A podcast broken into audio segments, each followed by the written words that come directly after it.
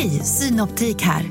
Visste du att solens UV-strålar kan vara skadliga och åldra dina ögon i förtid? Kom in till oss så hjälper vi dig att hitta rätt solglasögon som skyddar dina ögon. Välkommen till Synoptik. Här sitter jag i en ljudstudio tillsammans med ett sjölejon för att berätta att McDonalds nu ger fina deals i sin app till alla som slänger sin takeaway förpackning på rätt ställe. Även om skräpet kommer från andra snabbmatsrestauranger, exempelvis Eller till exempel Ja, precis. Du lyssnar på en podd från Perfect Day. Mesmerising run from Di Maria. It's a good save, but it's Bale! Gareth Bale has done it for Real Madrid! Cristiano Ronaldo delivers La Decima for Real Madrid in Lisbon.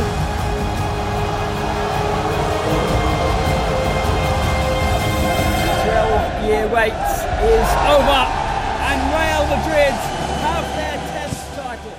Okej, Erik, ska vi prata om det de i Real Madrid kallar för La Decima? Ja, det går inte riktigt att lämna 2014 bakom sig med att bara konstatera att Real Madrid tappade ligan till Barcelona och Atletico Madrid. För de lyckades sannoliken med en del annat våren 2014 istället. De hade ju haft en fixering ända sedan 2001 och Zidans volley mot Leverkusen i Glasgow om att vinna den tionde Champions League-bucklan. Att göra sättet fullt på något sätt. Men nu hade de hållit på i mer än tio år och de strandade alltid i antingen åttondel eller semifinal under Florentino Perez. Och det där med La Decima, jakten på La Decima, höll verkligen på att utvecklas till en förbannelse och en förtrollning. Men nu förlöstes den då av Carlo Ancelotti, Zinedine Zidane, BBC-kedjan och till sist även Sergio Ramos. Och Karim Benzema bidrog definitivt. Han gjorde till exempel det enda målet i den första semin hemma mot Pep Guardiolas FC Bayern. Men han var ju rätt långt ifrån att vara en av huvudpersonerna. Ja. Han sågs som en komplementspelare, någon som funkade förvånansvärt fint för att ge Cristiano Ronaldo och Gareth Bale spelutrymme. Men hans bidrag i själva finalen var litet och när historieböckerna skrevs om Real Madrids La Decima, ja, då var det ju inte namnet Benzema i rubriker, utan det var snarare kursiverat eller inom parentes. Att just det, han var ju också där och gjorde sitt för att BBC-kedjan skulle göra, jag tror det var 97 mål Ja. under enbart den här säsongen. Men även om det då var sättet de flesta såg det på, så fanns det ju allt fler som pratade högre och högre om någonting annat. Zinedine Zidane, absolut, men nu även en väldigt övertygad Carlo Ancelotti som under säsongens gång själv hade blivit förvånad och smått förundrad över hur viktig Benzema var. För han förstod ju. Han Ja. såg ju att det är klart att det inte bara funkar att låta Bale springa på en kant och Ronaldo springa på en annan kant och så blir det automatiskt mål. Nej. Det måste ju finnas någon som binder ihop och knyter samman allting och som inte bara kan öppna upp ytor utan ibland faktiskt ta sig ur ytor för att en Ronaldo ska kunna skena in där istället. Och den spelaren visade sig vara Karim Benzema och det hade inte ens Carlo Ancelotti förstått innan han stod inför fullbordat faktum. Här har vi den perfekta möjliggöraren för våra andra offensiva spjut och någonstans tror jag nästan Ancelotti kände att det var bra ifall inte fler än han fattade det. Men han kände ju också någon skyldighet att stå upp för Karim Benzema utåt, att lyfta Karim Benzema utåt. Så han började prata på ett sätt som innebar att ja, han sa att det är möjligt att Karim Benzema inte är den bästa nian i världen, men han är den bästa nian i världen för mitt Real Madrid. Ja, det. Ja. Och det var just det där att utifrån hur vi spelar och utifrån vilka spelare vi har och vilka våra styrkor egentligen är, så kommer du inte hitta någon annan anfallare som maximerar dem på ett så osjälviskt sätt som Karim Benzema faktiskt använder sig av. Ja. En fantastisk avslutning på säsongen där, och, men det var, säsongen var ju inte slut, för det var VM i Brasilien också. VM i Brasilien också, och äntligen en mästerskapsspelande Karim Benzema som ja, man gjorde sig själv och sin förmåga rättvisa. Gjorde två mål i premiären mot Honduras. Vet du vad som var speciellt med ett av dem? Nej. Första VM-målet någonsin att dömas in med hjälp av goal line technology. Jaha. Det oproportionerligt stor entusiasm Ja, för den ja, anekdoten. ja, ju- Ja, ganska innehållslös eh, liten nugget. Men den gladde dig, Ja, det så då blev jag nöjd.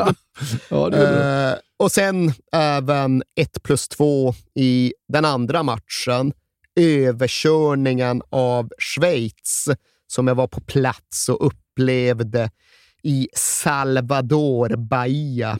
Och ja, men därefter ganska rak kurs fram mot kvartsfinalen.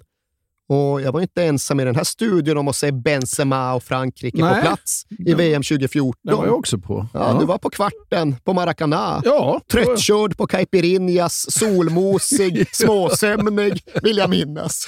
Ja, det var inget eh, journalistiskt jobb, det kan jag inte säga. Det Nej, var, det var en inte- helt annan resa. Det var ja. ingen energisprudlande entusiasm Nej, heller. det var det inte. Nej. Men jag var i alla fall där. Du var där Ja. och önskade att matchen skulle ta slut snabbare. Nej, det gjorde jag inte. Det, nej, men det var en upplevelse faktiskt. Ja. Ja, men en, som ni märker, ganska odramatisk eh, avslutning på Frankrike och Karim Benzemas VM. De dog inte riktigt med stövlarna på, utan de ställde väl i lite väl hög utsträckning mest in skorna i den där kvarten mot Tyskland. Det är i och för sig Ja, du minns det väl säkert inte, för du kommer inte ihåg mycket från den här kvarten. Men han har ju ett läge på slutet, Benzema, då han driver in i straffområdet och skjuter helt okej högt mot närmsta stolpen. Och Neuer bara sträcker ut en jävla Superman-arm och bara viftar bort Ja. bollen. Dunkar bort bollen. Jag minns det mest som en rätt sömnig match faktiskt. Sömnig match inför sömnig ja, publik. Ja. Men därefter eldigare slutpunkt för det hela. För även om Karim Benzema själv hade hunnit lämna Brasilien så var hans entourage kvar och det var även den franska journalistkåren. Och de hamnade då i bråk, ja, slagsmål Ja. med varandra. Det är Benzemas agent Karim Jaziri och så hans bästa närmaste barndomsvän som också heter Karim, Karim Zenati, som ska ha slagit till flera journalister. Och det, jag ska inte säga att det blev sopat under mattan, men det kom att sakna juridisk påföljd eftersom att de franska journalisterna som drabbats upplevde det som alldeles för jävla jobbigt att gå igenom processen för en brasiliansk polisanmälan. Och det innebär att även nu så är det så ord står mot ord situation. Ja, ja. Benzemas folk sa nej, nej, nej, vad fan, det där är bara påhitt, det har inte hänt någonting. Och journalisterna bedyrar att vad fan, de har ju slagit oss, de Ja. jävlarna. Och, ja, gör era egna bedömningar utifrån den knapphändiga informationen. Men ytterligare en sån här episod, händelse, som inte direkt stärkte Benzemas ställning bland vissa av de mer högprofilerade franska journalisterna. Nej. Och hur är livet i Real Madrid kommande säsong då? Ja, alltså det är både väldigt framgångsrikt och helt utan framgång. För först och främst sker det en ganska stor sak då Karim Benzema skriver ett nytt femårskontrakt med Real Madrid. Han förlänger fram till och med 2019 och nästan till dubblar sin årslön. Och även om det framstod som självklart då det skedde, så hade det legat väldigt långt borta bara ett och ett halvt eller två år dessförinnan när Mourinho svingade som mest om kissekatter och den södra kortsidan på Bernabeu hade vänt sig emot Karim Benzema. Men nu var hans position i laget given och hans status i klubben stigande och hans bidrag på planen fortsatt produktivt. För BBC-linan går in i det som blir deras allra mest målglada säsong. Hundra mål. De är hundra mål ihop på en enda säsong. Ronaldo 61. Ja, och Ronaldo medveten om och någorlunda tacksam inför att Karim Benzema och hans spelklokhet och hans uppoffringsvilja var en förutsättning för dessa, vad sa du, 62 mål. 61. Okej då. Okay då. Och ja, Det var väl inte så att Ronaldo gjorde världens största offentliga nummer av att plussa och prisa sin medspelare. Men för de som tittade noga så kom det ändå en väldigt viktig eh, ömhetsbetygelse då Portugal och Frankrike möttes i en landskamp den här hösten. För det var inte nog med att Ronaldo hälsade på Benzema med värme. Det var ju det att läppläsarna kunde se att han till och med tilltalade honom på franska. Jaha. Ça va mon frère, ska ja. han ha sagt. Läget min bror, ungefär. Helt, helt fantastiskt. Ja, du förstår ju ja, ja. vilken jävla vördnad Cristiano Ronaldo visar i och med detta. Men en lite märkligt bakvänd säsong, för trots alla dessa oceaner av mål så vinner ju inte Real Madrid någonting. Och även om Luis Suarez, Neymar och Leo Messi sammantaget gör något färre mål än BBC-kedjan så vinner ju FC Barcelona det som är värt att vinna. Och det uppfattas ju som MSN-kedjans år snarare än BBC-kedjans ja. säsong. Och det är såklart att det ska vara så. Sådana är fotbollens spelregler, men givetvis lite barskt och bistert och Real Madridskt att det leder till att Carlo Ancelotti får sparken. Ja. Och på ett sätt lite oroande att den lite knussligare Rafa Benitez blir utvald för att ersätta honom. Men totalt med allt inräknat och sammanvägt får vi ändå säga att Karim Benzema befinner sig på en bra plats i sin egen karriärskurva sommaren 2015. Han har vunnit striden för att etablera sig i Real Madrid och för att bli erkänd som en anfallare av väldigt hög internationell klass. Okej, okay, det är lite körigt där hemma med hiphop-scenens olika nyanser, så det blir ingen semester med Roffa sommar 2015. Men istället blir det ju en semester med Ja, vad hette han? Är det Boba eller? inte Nej, med Boba. men han den andra, tredje. inte han heller. I första hand. Han kanske var med. Ja. Men det som uppmärksammas, det som är globalt eko, det är ju att Karim Benzema hänger en massa Rihanna, med Rihanna ja, sommar 2015. Ja. Han klubbar med henne i New York i Los Angeles och de lämnar ställena i stort sett samtidigt. Och det börjar ju viskas om huruvida det är en populärkulturellt potent romans som håller på att växa fram här. Rihanna hade ju twittrat direkt till Benzema under VM 2014 och det här hade ju kunnat bli någon sorts gatuvariant av David Beckham och Porsche Spice uppdaterat för 2000-talets andra årtionde.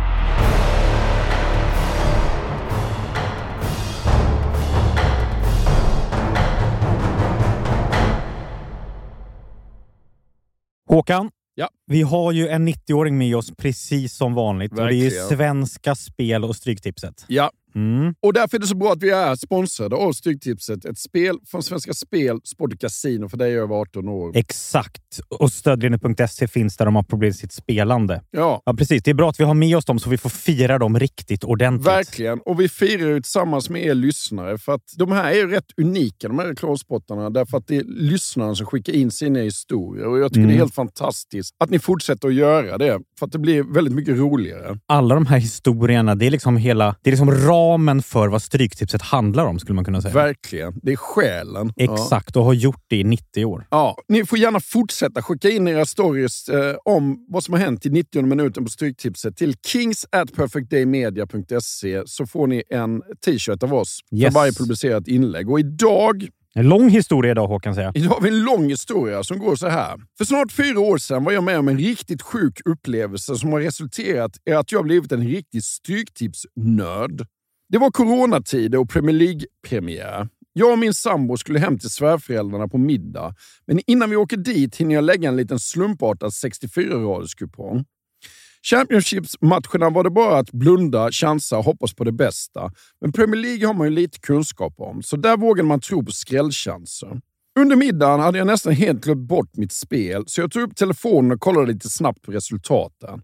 Vad fan, alla första tio matcherna har ju gått in, så man var ju med i allra högsta grad. Jag slog igång tvn, såg på när Degerfors krossade Jönköping och 11 rätt var ett faktum. Nästa match var Liverpool-Leeds och där satt jag med ett kryss då Leeds var tillbaka igen i Premier League och vill nog ge Liverpool en utmaning. Liverpool tog ledningen tidigt i matchen, men visade verkligen att de var tillbaka igen efter nästan 20 år från fotbollens finrum. De lyckades kvittera kort efter Liverpools ledningsmål och det skulle visa sig bli en riktig jojo-match. 2-1, 2-2, 3-2, 3-3. Fram till 90 minuten stod det 3-3. Jag har 12 rätt och utdelningen är 20 000. Men Leeds nyförvärv Rodrigo Moreno får då för sig att ta bollen med handen efter Liverpool-hörna och dömer då straff till äckliga Liverpool. Ja, Oj! Ja, ja. Självklart gör Salah 4-3 från 11 meter och vinstsumman var nu på 5 000 kronor på 12 rätt. Det enda som skulle kunna rädda mig nu var att Newcastle skulle slå West Ham borta, då våghalsiga, naiva jag fick för mig att sätta en tvåa. Jag tror aldrig jag mått så dåligt av att se en fotbollsmatch. West Ham var det spelförande laget i första halvlek, men inga riktiga chanser skapades från något av lagen. När andra halvlek blåstes igång och jag hade lugnat mig lite så tar det bara några minuter innan Callum Wilson brunkar in ett ledningsmål för Newcastle och nervositeten kickar igång igen. Om första halvlek var ångestladdad så går det inte att jämföra med andra. West Ham pushar på hela halvleken för ett kvitteringsmål. De har en ribbträff bland annat, men 0-1 står sig fram till slutminuterna. Då får Newcastle en kontring. Bollen slås snett inåt bakåt och når Jeff Hendrick som pangar in 0-2 och euforin är total. 13 rätt och 500 000 kronor rikare. En upplevelse jag aldrig kommer att glömma. Sen den dagen spelar jag Stryktipset varje lördag i hopp om att få med något liknande igen. Plus att det är en jäkligt mysig lördagstradition. Stort tack för er podcast och stort tack för din historia. Mm. Colin Wilson, han har bunkrat in några baljor. Ja, precis. Vi Mm. säger stort tack till våra vänner på Stryktipset. Tack. Vi är sponsrade av Volt Fashion. Yes, det är vi. Och vad är Volt Fashion för dig, Alex? För mig är Volt Fashion lite som vad Magnus Erlingmark var för IFK Göteborg när det begav sig. Jaha. Mm. Göteborg kunde ju använda Erlingmark precis överallt på fotbollsplanen. Han var överallt. Ja. Ja, och lite så i Volt Fashion, för det är ett multibrand-utbud för män. Förstår du vad jag menar då? Just det. Mm. Ja. Du hittar tröjor, skjortor, kostymer, kavajer, byxor, you name it. Allting. Från märken som These Glory Days, Oscar Jakobsson, Tiger of Sweden, Eton, Samse Samse, J. Lindberg och Flippa K. Exakt. Och min Voltbutik som jag brukar gå in i ligger i PK-huset här i Stockholm. Ja, just det. Och det finns ju 40 butiker i Sverige och här finns ju allting. Sweaters, Allting. skjortor, kostym, kavajer, byxor. Allt du behöver både till fest och vardag med alla de här schyssta märkena du räknar upp. Och nu är det ju dags för festligheter. Våren är väl ändå här, det måste vi säga. Det är den verkligen. Och det är dags för bröllop, det är studenter, det är midsommar. Och vad vill man ha då? Ja, en kostym kanske. Ja, jag har precis köpt en kostym. Jaha. Från These Glory Days. Jaha. Jag brukar köra på Edvard-kostymen. Ja, och det är alltså en ullblandning. Det tycker jag är ett måste i kostym. Jag gillar inte linne och sånt där, utan det är ull som jag gillar. Och så måste det vara regular fit, inte slim fit på mig. Nej. Eller när det liksom är lite mer rakt och, och stiligt. Så den har jag gått loss på. Jag gillar ju Oskar Jakobsson. Ja, ja, ja. ja. Svenskt, skönt och där kan jag även tänka mig linne faktiskt. Och sen är det ju så här att du behöver ju faktiskt inte gå in i en faktisk butik, voltbutik, även om det finns ganska många. Utan du kan ju gå in på voltfashion.com och där hittar du hela utbudet och, och kan bara klicka hem det istället. Så klicka in på voltfashion.com och eh, välj din kostym för våren och sommaren helt enkelt. Ja, vi säger stort tack till Volt Fashion. Alex, vi pratar ju om Blackburn och då måste jag fråga dig, vad kör Alan Shearer för bil? Ja, precis. Ja, vi pratar om Blackburn den här veckan. Ja, Eh, ja. Alan Shearer. Jag ska, jag ska nog googla det faktiskt. gör det. Jag tänker mig att han kör en riktigt sån, alltså en, en diesel. Nej, alltså det som bara jag. spottar ut. Jag tror, jag tror Shearer är en eh, riktig elkille. Faktiskt. Vad heter Blackburn? Lank, Lancashire. Lancashire. Lanc ja, exakt. Där åker han runt. Runt, runt en gammal dieselhäck. Men jag ska, Ja. jag ska googla faktiskt. Ja. Kolla. Då ska vi se. Alan Shearer Lifestyle. Alan Shearer Car. Audi RS Q8 kör Ja. han till vardags. Hybrid. Det är ju ingen dålig bil. Hybrid. Ja, 600 hästar. 3,8 sekunder på 100 meter. ja, 100 meter är det inte. 100 100 kilometer i timmen. ja. Vridmoment 800 NM. Men Säger mig varför pratar vi om ingenting. detta? För att vi är sponsrade av Kala. Ja, och på, det är mycket möjligt att han har insett hur jäkla smidigt det är att köpa sin bil på Karla. Exakt. Hur skulle Alan Shearer säga Kala med C? Carla. Exakt.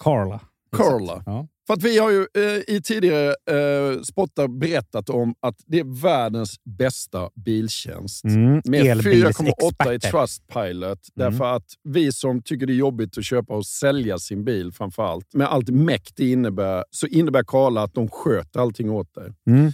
Så går du i eh, tankar med att sälja din bil och kanske vilja skaffa dig en elbil eller en elhybrid så ska du gå in på karla.se. Jag är lite sugen på att skaffa en laddhybrid. Ja. En sån Audi. Ja, ja, ja. Jag tror inte riktigt att jag kanske har råd med det den. tror jag inte du riktigt men har jag, men råd jag tror att Karl har ett bra spann på bra eh, laddhybrider faktiskt. Ja. Mm. Om du går in på karla.se och knappar in din bils info så får du en snabb och gratis värdering och ett bud på din bil. Mm. Väljer du att acceptera budet så får du gratis upphämtning av din bil i hela Sverige. Just det. Och pengarna på kontot direkt vid upphämtning. Mm. Alltså det kan inte bli smidigare än så. Och Karla sköter allt från pappersarbete till dammsugning av baksätet. Ja, alltså det, det Det slipper jag gärna. Alltså. Ja. Och när du ändå är i farten så kan du kika om du hittar någon ny drömbil på Karla. Audi RS Q8. Exakt. Du kan då använda din gamla bil som inbyte och endast betala mellanskillnaden om du vill köpa en ny. Kör du till exempel runt i en gammal dieselhäck så är det hög tid att uppgradera till en elbil eller laddhybrid. Eller Alan Shearers bil då. Vem i Blackburns lag från 1995 kör runt i en gammal dieselhäck idag, tror du? Nej, jag tror faktiskt ingen gör det. Tror du inte? Nej. Ja, jag tror i alla fall att anfallspartnern där till Alan Shearer, Chris Sutton, han kör runt en gammal dieselhäck. Ja, då är det hög tid för honom att gå in på karla.se. Verkligen. Vi säger stort tack till karla.se. Tack.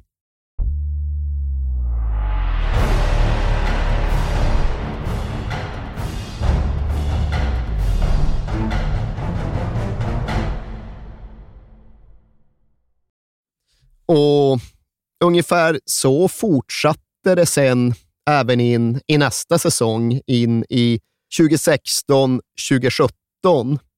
Benzema är bra och Benzema gör en hel del mål och poäng, men det är inte riktigt samma Karim Benzema längre.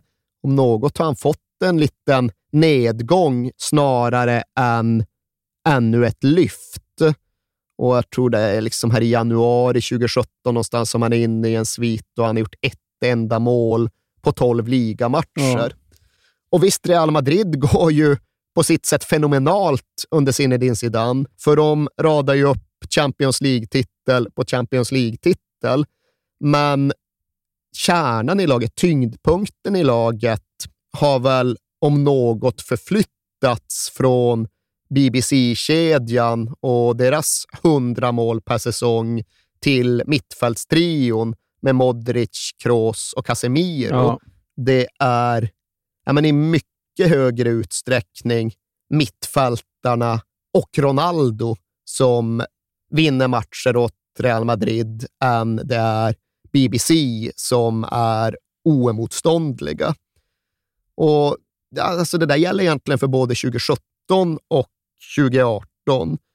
Och jag kommer till exempel ihåg när Real Madrid mötte The Mighty Spurs i Champions League-gruppspelet säsongen 2017-2018. I London var de ju såklart helt chanslösa, så spolades ju bara bort av de vita anfallsvågorna och Dele Allis genombrottskraft. Men i Madrid så var de ju ändå med i matchen lite grann och kunde bärga ett 1-1 kryss. Och jag var såklart på båda de här matcherna. Jag var nere i Madrid och kommer ihåg att jag också tyckte att Karim Benzema var liksom mindre involverad än han brukat vara. Men ja, min uppfattning hade nu ingen större betydelse eller något större genomslag. Men det hade Gary Linekers, för han kände sig nödgad att i anslutning till matchen gå ut och twittra om hur Benzema minsann var en aning överskattad och hur han egentligen bara räddades upp av Ronaldo. Ja. Och Det var en åsikt som han fick ganska stort gehör för på den här tiden. Han fick en hel del medhåll och sympatier, men han fick ju också mothugg av en Zinedine Zidane som återigen kände att det var dags att rida ut i strid för sin Karim. Ja. Och vid det tillfället pratade Zidane med en ja, men rätt rödglödgad övertygelse som du sällan hör honom föra sig med. Han refererade direkt till Lineker och sa att det är pinsamt för någon som kan fotboll att prata så. För folk tror att en nia här måste ju 50-60 mål per säsong. Och nej, det gör inte Karim. Han gör inte 60 mål, men han gör 25-30 och han ligger bakom 30-40 till. Och Zidane hade absolut fog för att prata på det sättet. Jag förstår ju exakt var han utgick ifrån, men det var ändå svårt att skaka av sig det här intrycket att jo då, vi ser vad Benzema gör och vad han bidrar med och vad han tillför och hur mycket anfallsspelet förlorar när han inte är på plats. Men allt det var ju ändå tydligare och bättre för två år sedan än vad det är nu. Så vart ska det här egentligen ta vägen? Nej, för att han gör fem mål i ligan det Ja, året. alltså det är ju just det. Han gör Ja. ju i och för sig två mot FC Bayern i Champions League-semin och sen gör han ju också det här finalmålet som också är legendariskt. Det är väl inte lika legendariskt som Gareth Bales bicykleta och det kanske inte ens är lika legendariskt som Bales vådaskott som Karius tappar in. Men det är ju det här målet som han stjäl av Luis Karius Ja. som bidrar till den dåvarande Liverpool-målvaktens fullständiga karriärshaveri. När han liksom bara snappar upp ett eh, utkast och stöter in den Ja. i tomt mål. Så liksom visst, han visar sin smartness och han är bra i de stora matcherna. Men precis som du säger, det är fem ligamål på hela den här säsongen. Och Det här är ju ja, den sista Champions League-titeln som detta Real Madrid tog. Jag vet inte om jag ska säga sista eller senaste och det är mest för att jag inte vet om vi fortfarande kan prata om samma Real Madrid. Nej. Men det är sista Champions League-bucklan som Ronaldos Real Madrid lyfter. Och det fanns ju en förståelse inför att det laget, som alltså hade vunnit fyra Champions League på fem år, skulle behöva föryngras och brytas upp. Och då utgick nog många från att Karim Benzema var en av dem som riskerade att behöva lämna. För trots att han hade varit mycket ute i kylan så hade Gareth Bale gjort finalen till sin. Och herrejösses Cristiano Ronaldo var ju Cristiano Ronaldo. Så ja, var det inte i den där nummer nio-rollen som anfallsförändringen skulle behöva ske. Det var frågan som rätt många ändå tog med sig in i sommar 2018. Ja, och jag menar, han gör fem mål i ligan och visserligen fem mål i Champions League också, men han närmar sig 30, siffrorna på väg ner.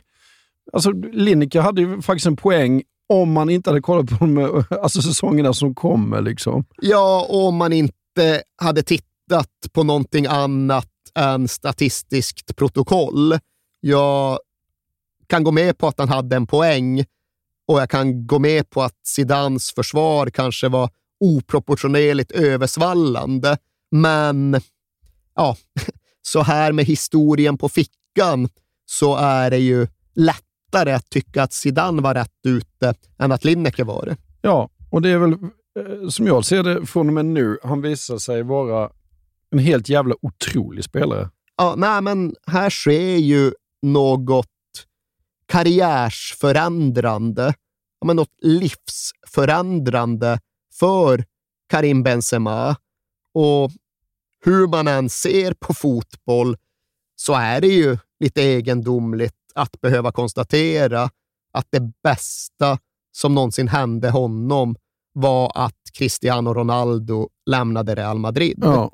För så skulle det visa sig bli, även om det kanske inte framstod som gudagivet under den här första hösten.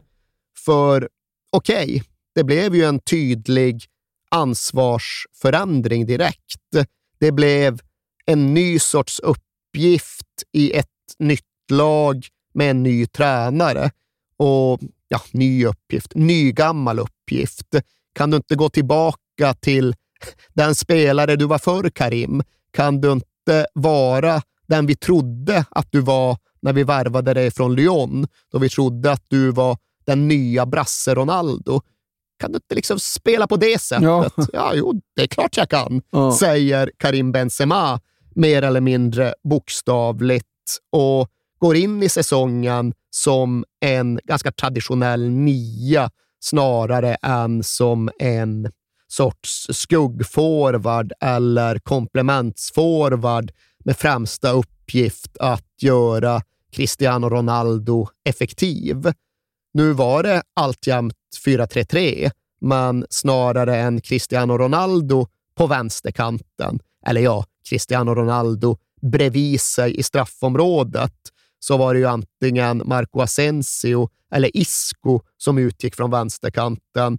Och detta innebar ja, men naturligtvis en ny sorts uppgift för Karim Benzema. Och han började bra.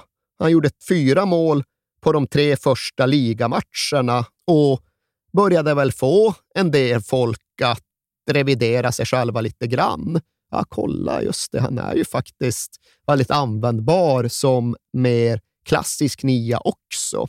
Men sen följde en svit då Benzema gick mållös i åtta matcher i rad i ligan och detta kulminerade med att Real Madrid förlorade klassikon på Camp Nou med 5-1 och framstod, om inte annat då, som ett rätt faderlöst lag.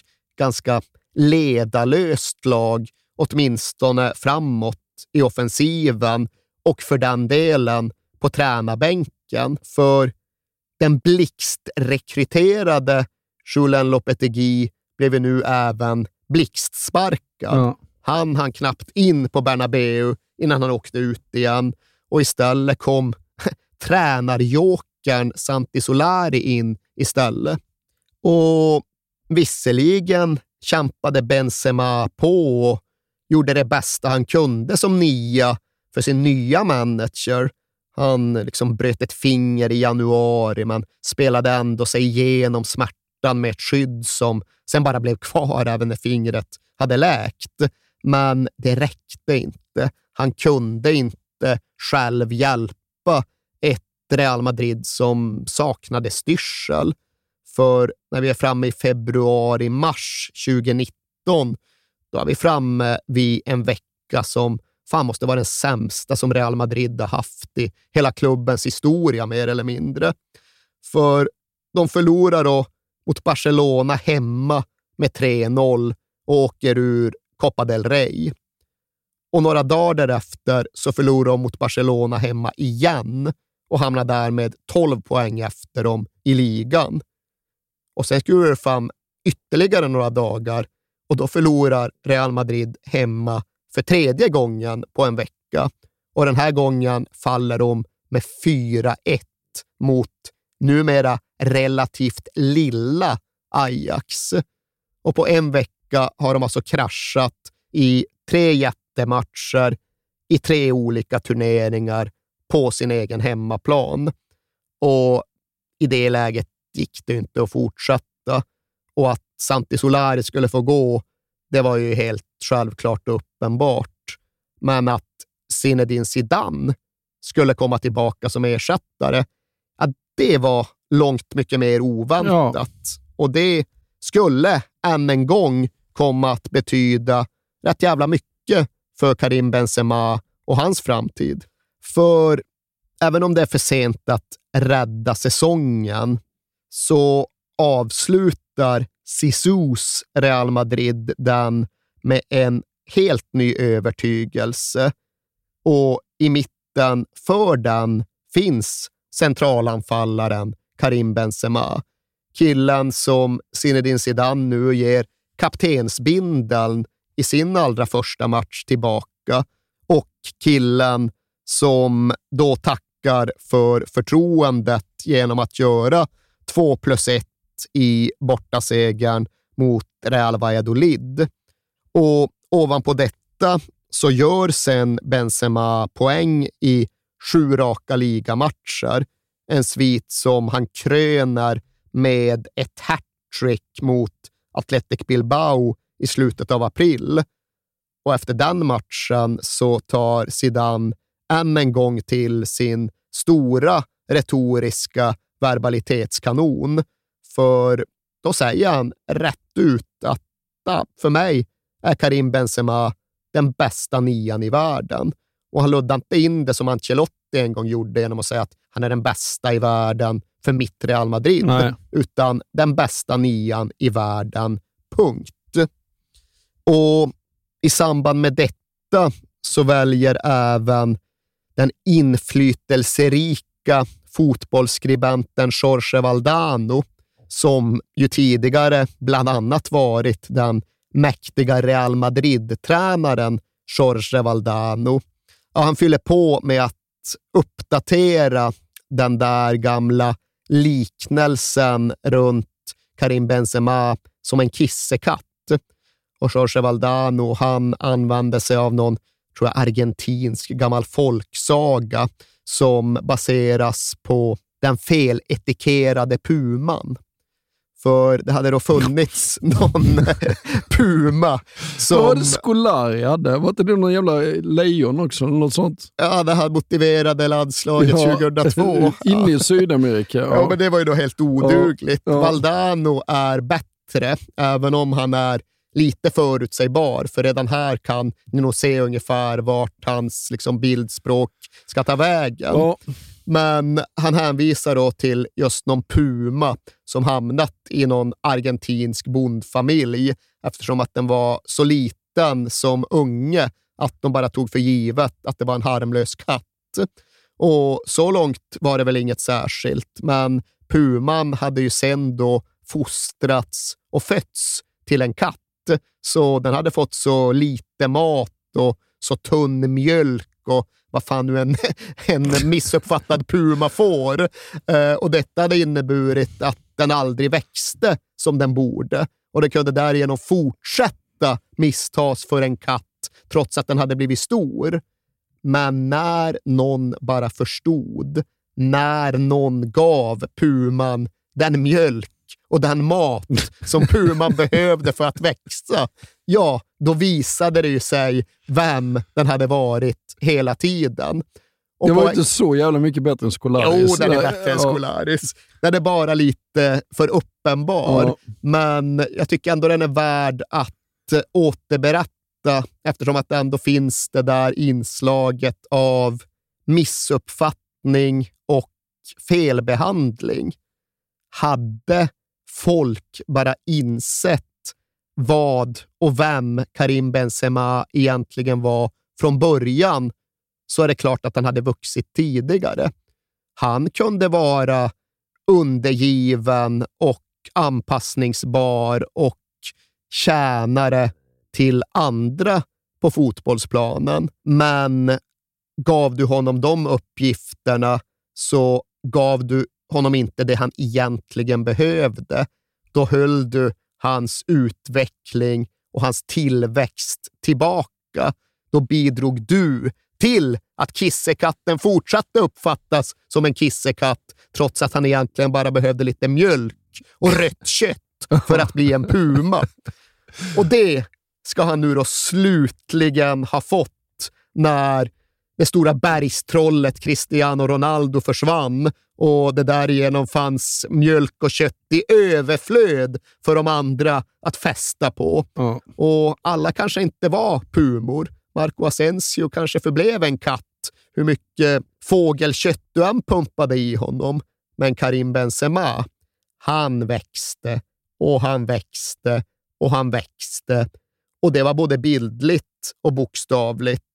För där han tidigare tydligen då varit i behov av att slimmas ner och drog till Sidans dietist och tappade 7-8 kilo, ja, det var det frågan om han nu ändå behövde en annan typ av fysiskt upplägg. Och i det här att han utvecklades och förbättrade sig själv så väldigt mycket efter 30 så finns det ju också något relevant i att han tvingades sluta spela landslagsfotboll och hade både uppehållen och somrarna fria. Ja. När någon annan var iväg och blev världsmästare i Ryssland så är det klart att de hade kul och gjorde något stort, men de maxade väl inte sina förberedelser inför nästkommande ligasäsong. Nej. Och jag tror att Benzema hellre hade valt VM-guldet om han nu fick. Men när han inte hade det alternativet, ja, då kunde han ju verkligen investera somrarna i uppbygglig försäsongsträning. Och när Cristiano Ronaldo försvann var det som att han även ärvde hans ja, men smått psykotiska professionalism och jakt på marginella tiondelsfördelar. För nu började det pratas om hur Karim Benzemas, liksom vattnet som Benzemas mat skulle kokas i, det skulle minsann vara mer alkaliskt framöver. Jaha. För det skulle vara bra. Och han skulle proppa i sig en massa spirulina snarare än rött pu- pumakött. Jag vet inte exakt vad spirulina är, Nej. men något användbart var det tydligen. Kokosvatten, där kan den göra. Och han började ju använda någon märklig typ av wetsuit som hette iMotion EMS och den hade inbyggda elektroder. Och vad dessa inbyggda elektroder gjorde för Benzema kan förbli osagt, men nytta ska de ha gjort. Ja.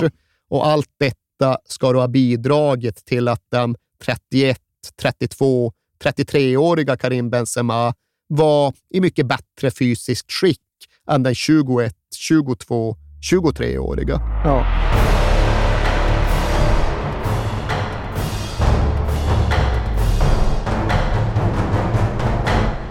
För formutvecklingen bara fortsätter ju. Ja, Han blir bara bättre och bättre och bättre. ja för varje Ja. år som går, för varje säsong som följer. För redan våren 2019 hade då fått Zinedine Zidane att prata om honom som världens bästa nia.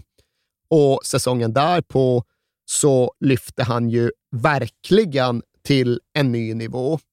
Och tanken då var ju att Eden Hazard skulle komma in och bli den nya Galactico-stjärnan. Han skulle, så gott det nu gick, ersätta Cristiano Ronaldo ett år för sent. Men av detta blev ju inget. Och Real Madrid var inte längre laget som gjorde 8000 mål på en säsong, utan de blev ett rätt smågnidigt lag som i hög utsträckning definierades av en defensiv triangel med Sergio Ramos, Rafael Varan och Casemiro. Ja. Och som sen därpå förlitade sig på att Karim Benzema skulle hitta ett mål att snatta åt sig. Och det var, jag tror det var 4-0-0 redan före jul. Men om inte annat ändå ett slagläge i ligan en serieledning som övertogs då de besegrade Atleti i derbyt strax efter nyår 2020. Och Karim Benzema avgjorde såklart den matchen och Zinedine Zidane fungerade i allt högre utsträckning som den hype man som Karim Benzema kanske inte behövde, men som han definitivt förtjänade. För efter den där matchen mot Atleti så ombads Zidane att beskriva Benzema med ett ord. Och det klarade han inte. Han behövde använda två och sa det, den bästa. Ja. Och sen fick han i och för sig tillåtelse att bre ut sig lite mer. Och då började han resonera kring det där med att det inte går att reducera Benzema till enbart en nia, eller för den delen enbart en tia. Och det där med att liksom prata om honom som en nio och en halva, det tyckte inte heller Zidane funkade riktigt. För Zidane tyckte att Benzema var lite av precis allting. Och Zidane valde att beskriva honom som den kompletta fotbollsspelaren. Den totala fotbollsspelaren. Ja, jo, absolut, men han utgår ju ändå som anfallare, så skulle du kunna liksom placera in honom historiskt, göra någon typ av rankande jämförelse. Oväntat nog ställde Zidane ändå upp på det och hamrade fast att han såg Karim Benzema som den främsta franska anfallsspelaren någonsin. Och den konkurrensen är ju ganska barsk. Ja. Nu ska kanske inte Zidane själv eller Michel Platini in bland just anfallsspelarna, men det är ju ändå Thierry Henry, Exakt. och Eric Cantona, Raymond Kopa och Just Fontaine för de som minns tillbaka och ja, för den delen även Antoine Griezmann och Kylian Mbappé som hade varit iväg och vunnit VM. Ja. Men nej då, Zidane hade inga tvivel. Bästa franska anfallaren genom tiderna. Och precis när han fått upp sån fart så kom pandemin och satte stopp för allt fotboll. Ja, och då fanns väl en risk för att magin skulle vara bruten och att sagobubblan skulle spricka på andra sidan av pandemin. Men nej då, Karim Benzema återvände och var ännu bättre och ännu mer överlägsen och ännu mer utslagsgivande. För folk hade redan ja, men börjat acceptera att han verkligen hade ärvt och tagit över Real Madrid från Cristiano Ronaldo. Nu började det uppfattas som att han i alla fall var på väg att ta över och ärva hela den spanska ligan från Leo Messi. Och det är klart att det kan låta som en oerhörd överdrift, men faktum är ju att Karim Benzema Real Madrid efter det att fotbollen återstartade på andra sidan pandemiuppehållet vann tio ligamatcher i rad och körde om Messi och Barcelona i serietoppen. Och det var helt odiskutabelt att Benzema var den ledande spelaren under den här segersviten. För han var just den där spelaren som Zinedine Zidane hade byggt upp. Han var den kompletta fotbollsspelaren. Han som både kunde och gjorde rätt mycket av precis allt. Och det var någonstans typiskt att det kanske definierande ögonblicket i den här ligaspurten inte var ett mål som Karim Benzema gjorde, utan det var en framspelning då han sög in bollen och drog iväg från målet med försvararna hängarna på ryggen och sen bara hitta en klacktunnel fram till Casemiro som hade helt öppet mål och som stötte in bollen och som då befäste Real Madrids position som nya serieledare och blivande titelvinnare. Och den här säsongen gjorde Karim Benzema 21 plus 8 i ligan. Och det är ju inte hysteriska siffror. Det är ju inte Leo Messi eller Cristiano Ronaldo där runt 2014-2015. Men ska man få en bild av betydelsen som Benzema hade för laget och offensiven och ligatiteln, då kan man konstatera att ja, tror, hur många mål tror du liksom näst mest effektiva anfallare Real Madrid gjorde den här säsongen? Ska vi gissa på 10? Benzema gjorde 21, ingen annan forward gjorde fler än tre. Och ja. De var i och för sig en del olika som liksom alternerade, så det var inte så att de gjorde tre på 38 matcher. Då kan men... de inte varit helt nöjda på Bernabéu ändå. Ja, de var ju helt nöjda eftersom att de vann titeln. Ja, ja, och för att... den delen så var det tomma läktare och Real Madrid spelade på träningsanläggningar. men, nej, men det var ju inte längre BBC nej. Real Madrid som gjorde 8000 mål, utan det var färre mål, men fler segrar. Och faktiskt en central anfallare som gjorde en ännu större andel av Real Madrids mål än vad Cristiano Ronaldo hade gjort. Okej, Ronaldo gjorde ju fler mål, ja. men det var för att laget som helhet också gjorde fler mål. Benzema gjorde en större procentuell del av Real Madrids mål och det går ju därigenom att argumentera att hans betydelse på ett sätt var ännu större. Ja. Del Real Madrid, la inspiración del gato, el lujo de Karim, el talento de Benzema y la compañía goleadora, el olfato de Casemiro, como en viejos y buenos tiempos en juveniles.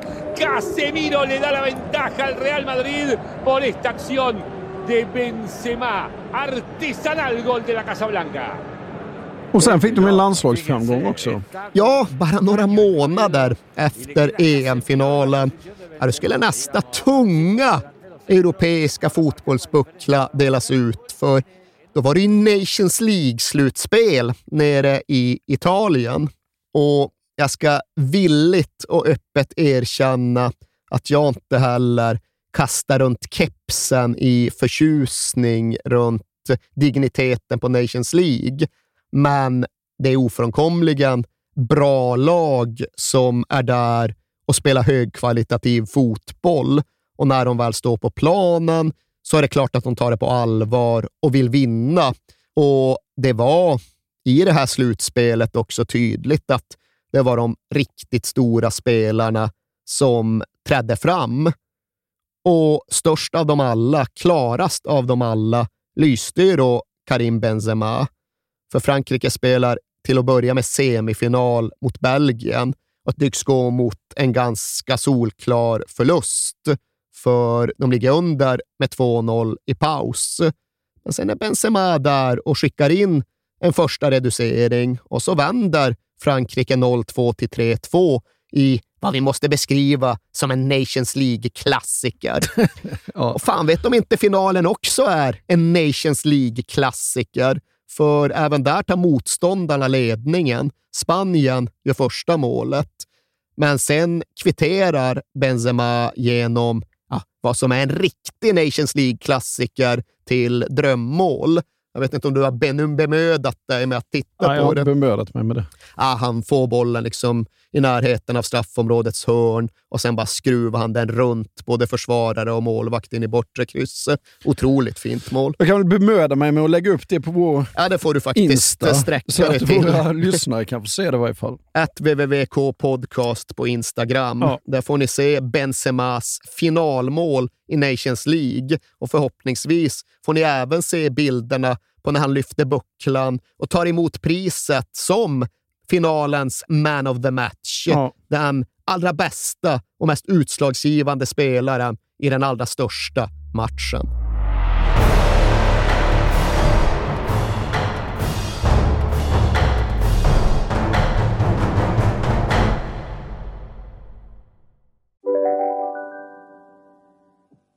Hej, Synoptik här. Visste du att solens UV-strålar kan vara skadliga och åldra dina ögon i förtid? Kom in till oss så hjälper vi dig att hitta rätt solglasögon som skyddar dina ögon. Välkommen till Synoptik. Demideck presenterar Fasadcharader Dörrklockan. Du ska gå in där. Polis? Effektar? Nej, tennis tror jag. Pingvin. Alltså jag fattar inte att ni inte ser. Va? Nymålat. Men det var många år sedan vi målade. Demideckare målar gärna, men inte så ofta. Känner du igen en riktigt smart deal när du hör den? Träolja från 90 kronor burken. Byggmax. Var smart. Handla billigt.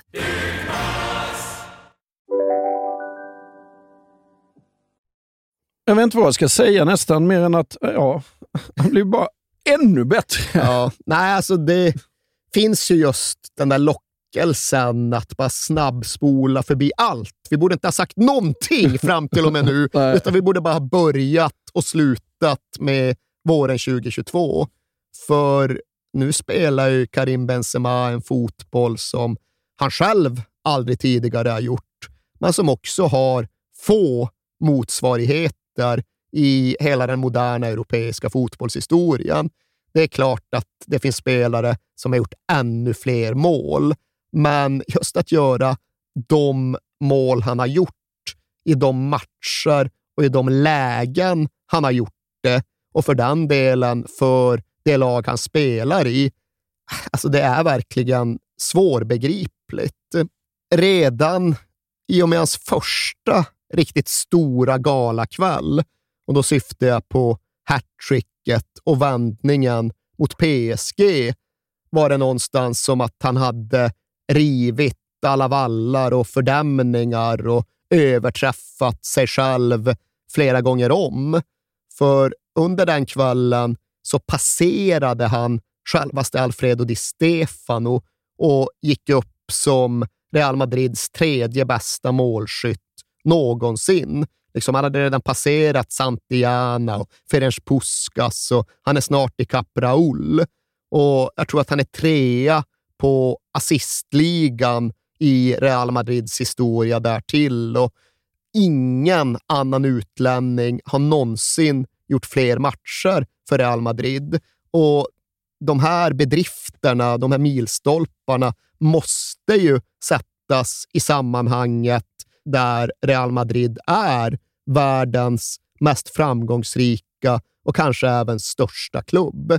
Och lyckas du med de här grejerna i den klubben, ja, då är du ju odödlig. Och Det kan tyckas vara ett stort ord att använda, men det bleknar ju ändå i jämförelsen med hur Iker Casillas, den gamla Madrid-legendaren, uttryckte sig efter den här PSG-matchen. Och Det var en lång rad av översvallande beskrivningar, så jag ska inte dra alla hans jämförelser. Men han skrev bland annat att K9 är lika med Spindelmannen. K9 är din bästa kompis. K9 är din mormor. K9 är USAs president. K9 är Gud. Ja. Och det var Iker Casillas ja. formulering. Vet du vad Zinedine Zidane följde upp med? Mer än att han är världens bästa anfallare. ja, den har han sagt några gånger. Uh, numera så konstaterade han att Karim Benzema, K9, han är oblaten. Och det är i och för sig spansk slang som inte riktigt funkar i svensk översättning, men som på ett sätt därigenom bara förstärks. Han är oblaten. Mm. Alltså Jesus kropp.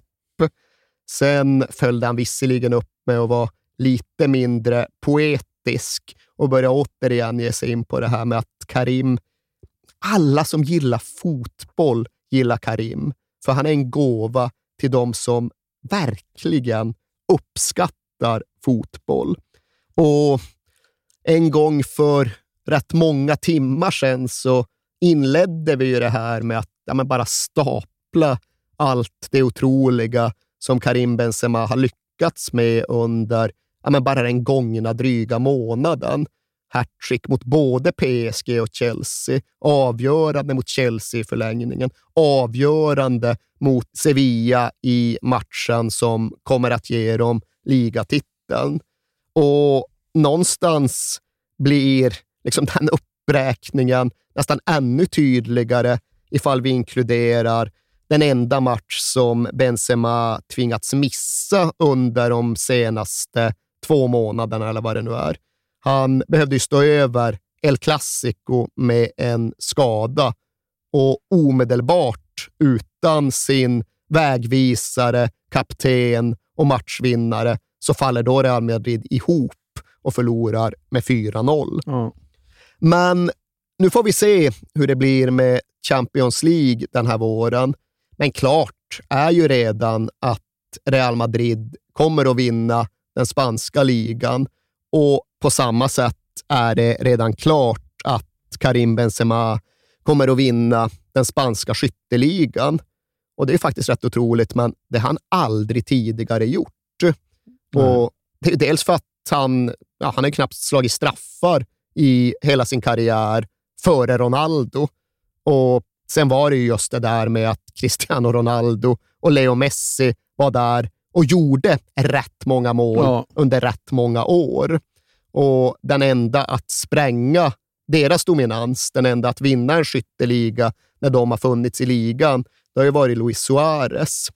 Men nu trodde du att du klarade dig igenom 5, 6, 7 timmar av Karim Benzema utan en enda trivia-fråga. Ja, jag har trivia frågor till dig också. Ja, du har börjat med Ja. det och liksom tycker att du är en salt snubbe därigenom. Ja, jag tror det kom undan, men tack vare det. Ja, börja du då. Men jag börjar med att helt enkelt fråga vem som egentligen var den sista att vinna den spanska skytteligan innan Leo Messi och Cristiano Ronaldo skaffade sig monopol. Då säger jag bara rätt, från höften, Raul. Ja, det var väl en helt okej gissning, men Ja. den var fel.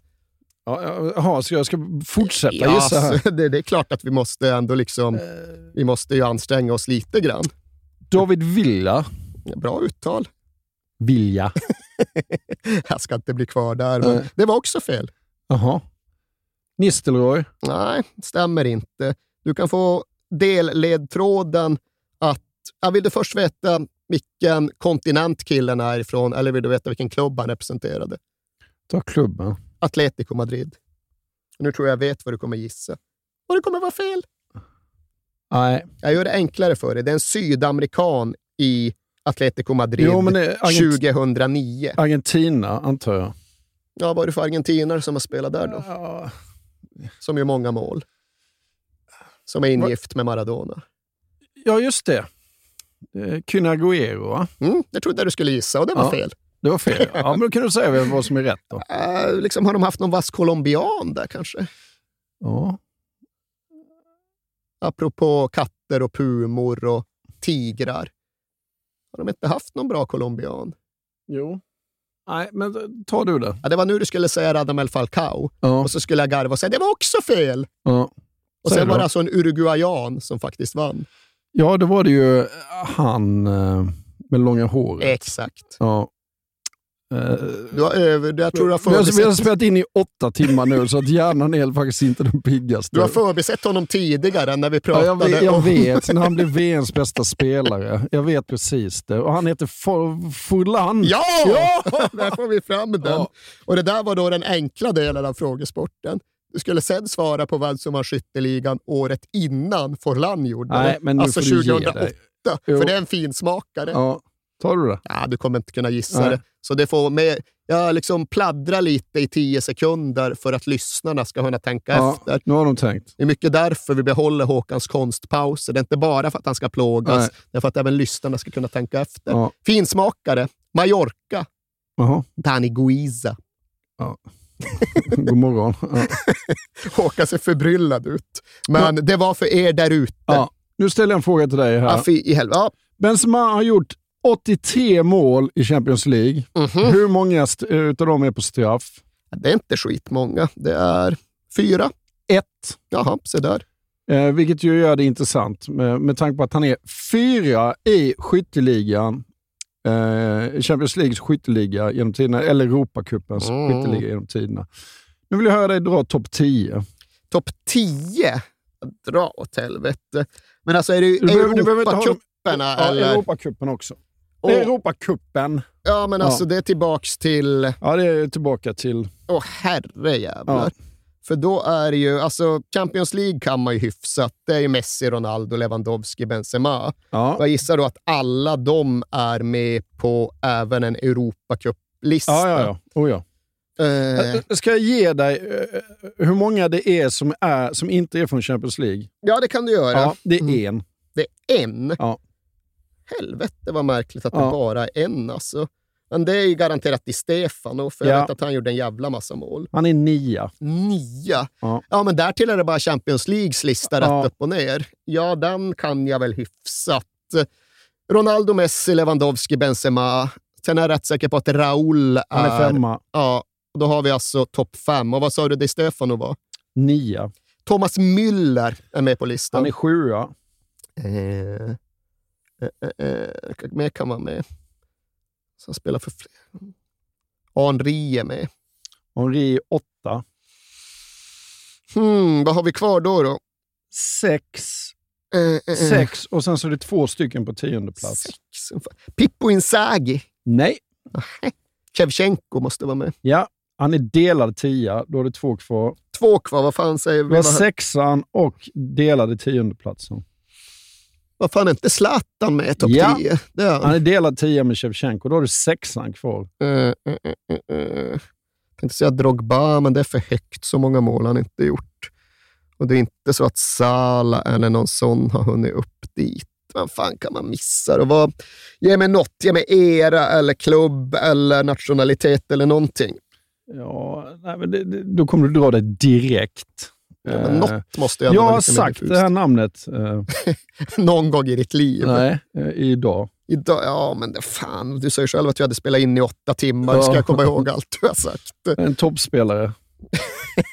Jag Alltså, tror, jag, dina jag, jag, tror jag, jag tror jag gissade på honom nu när du... Dina ledtrådar är fan sämre än dina Ja. quizinsatser. Vad fan ska jag säga då? Vad, vad jag än säger, ska, han är holländare. Jaha, ja, fan Nistelrooy. Ja, precis. Det, vad, vad skulle du getta för ledtråd som du inte skulle kunna Eh, du skulle sagt att han... eh, Ja, exakt. Ja, men det där är inga problem att hitta någonting. Ja, hans tvillingsyster är... Ja. Nej, men jobba något med PSV Eindhoven, för det hade inte fått mig att tänka så jävla direkt på honom. Nej. hade man börjat liksom gå vilse i Ronaldo, Romari och allt Ja, det just där. det. Jaha, vad fan var du kvarquizad då? ja, det var kvarquizat.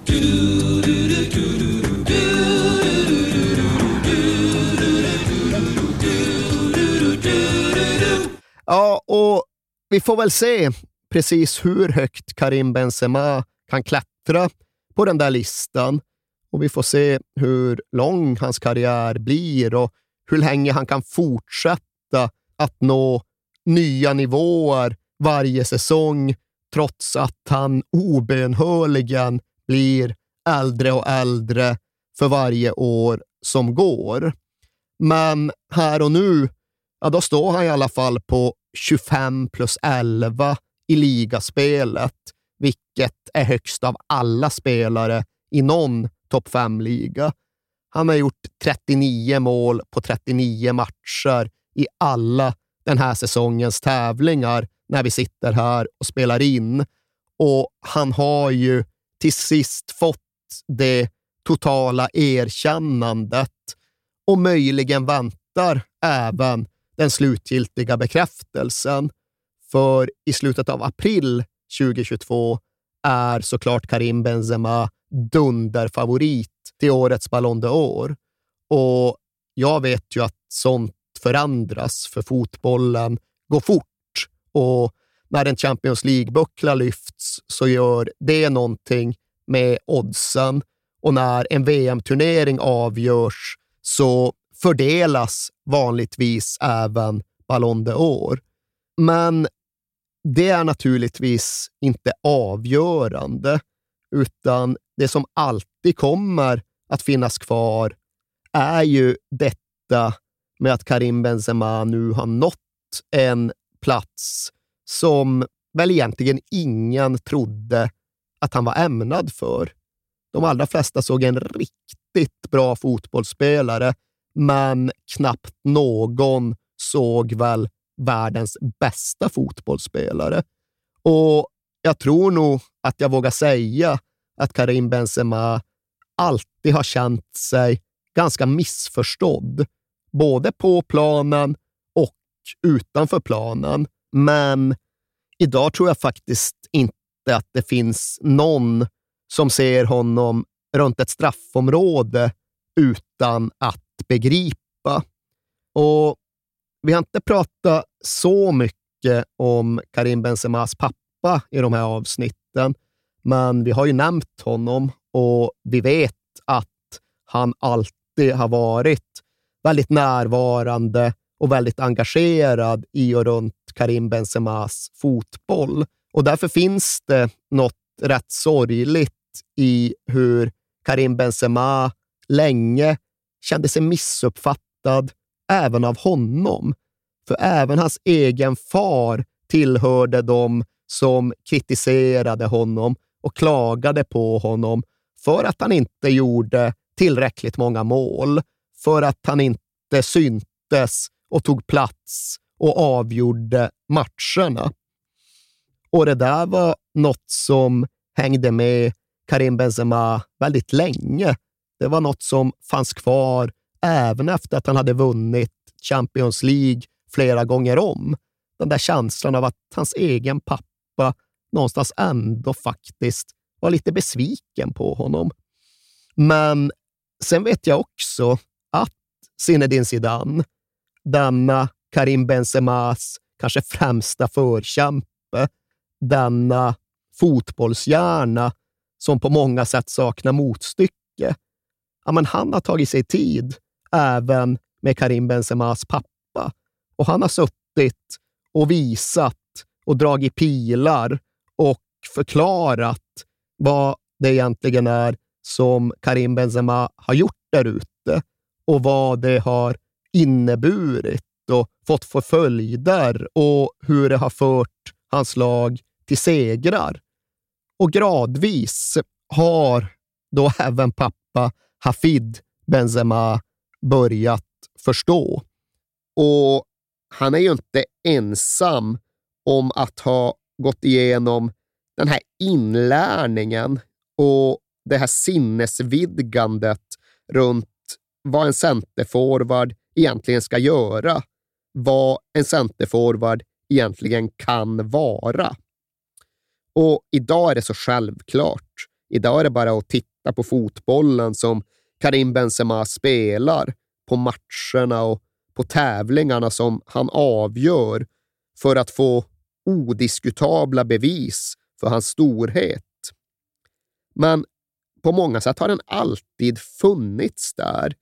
I alla fall för de som vetat hur de ska titta. De som insett att den lilla katten i själva verket är en puma. Och vissa av oss behövde tid på oss för att förstå. Några behövde få det utpekat för sig, förklarat för sig. Och det är okej, okay för för de allra flesta av oss är det ingen tävling att titta på fotboll. Men de som verkligen följt Karim Benzema genom hans karriär, de har dels fått uppleva väldigt mycket och de har nog dessutom närmat sig en lite större förståelse för världens allra mest komplexa idrott.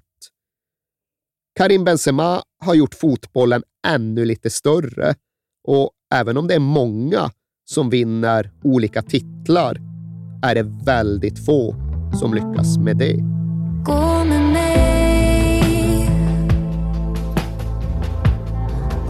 Bakom skuggor ser du solen. Och när du tvivlar ser du modet.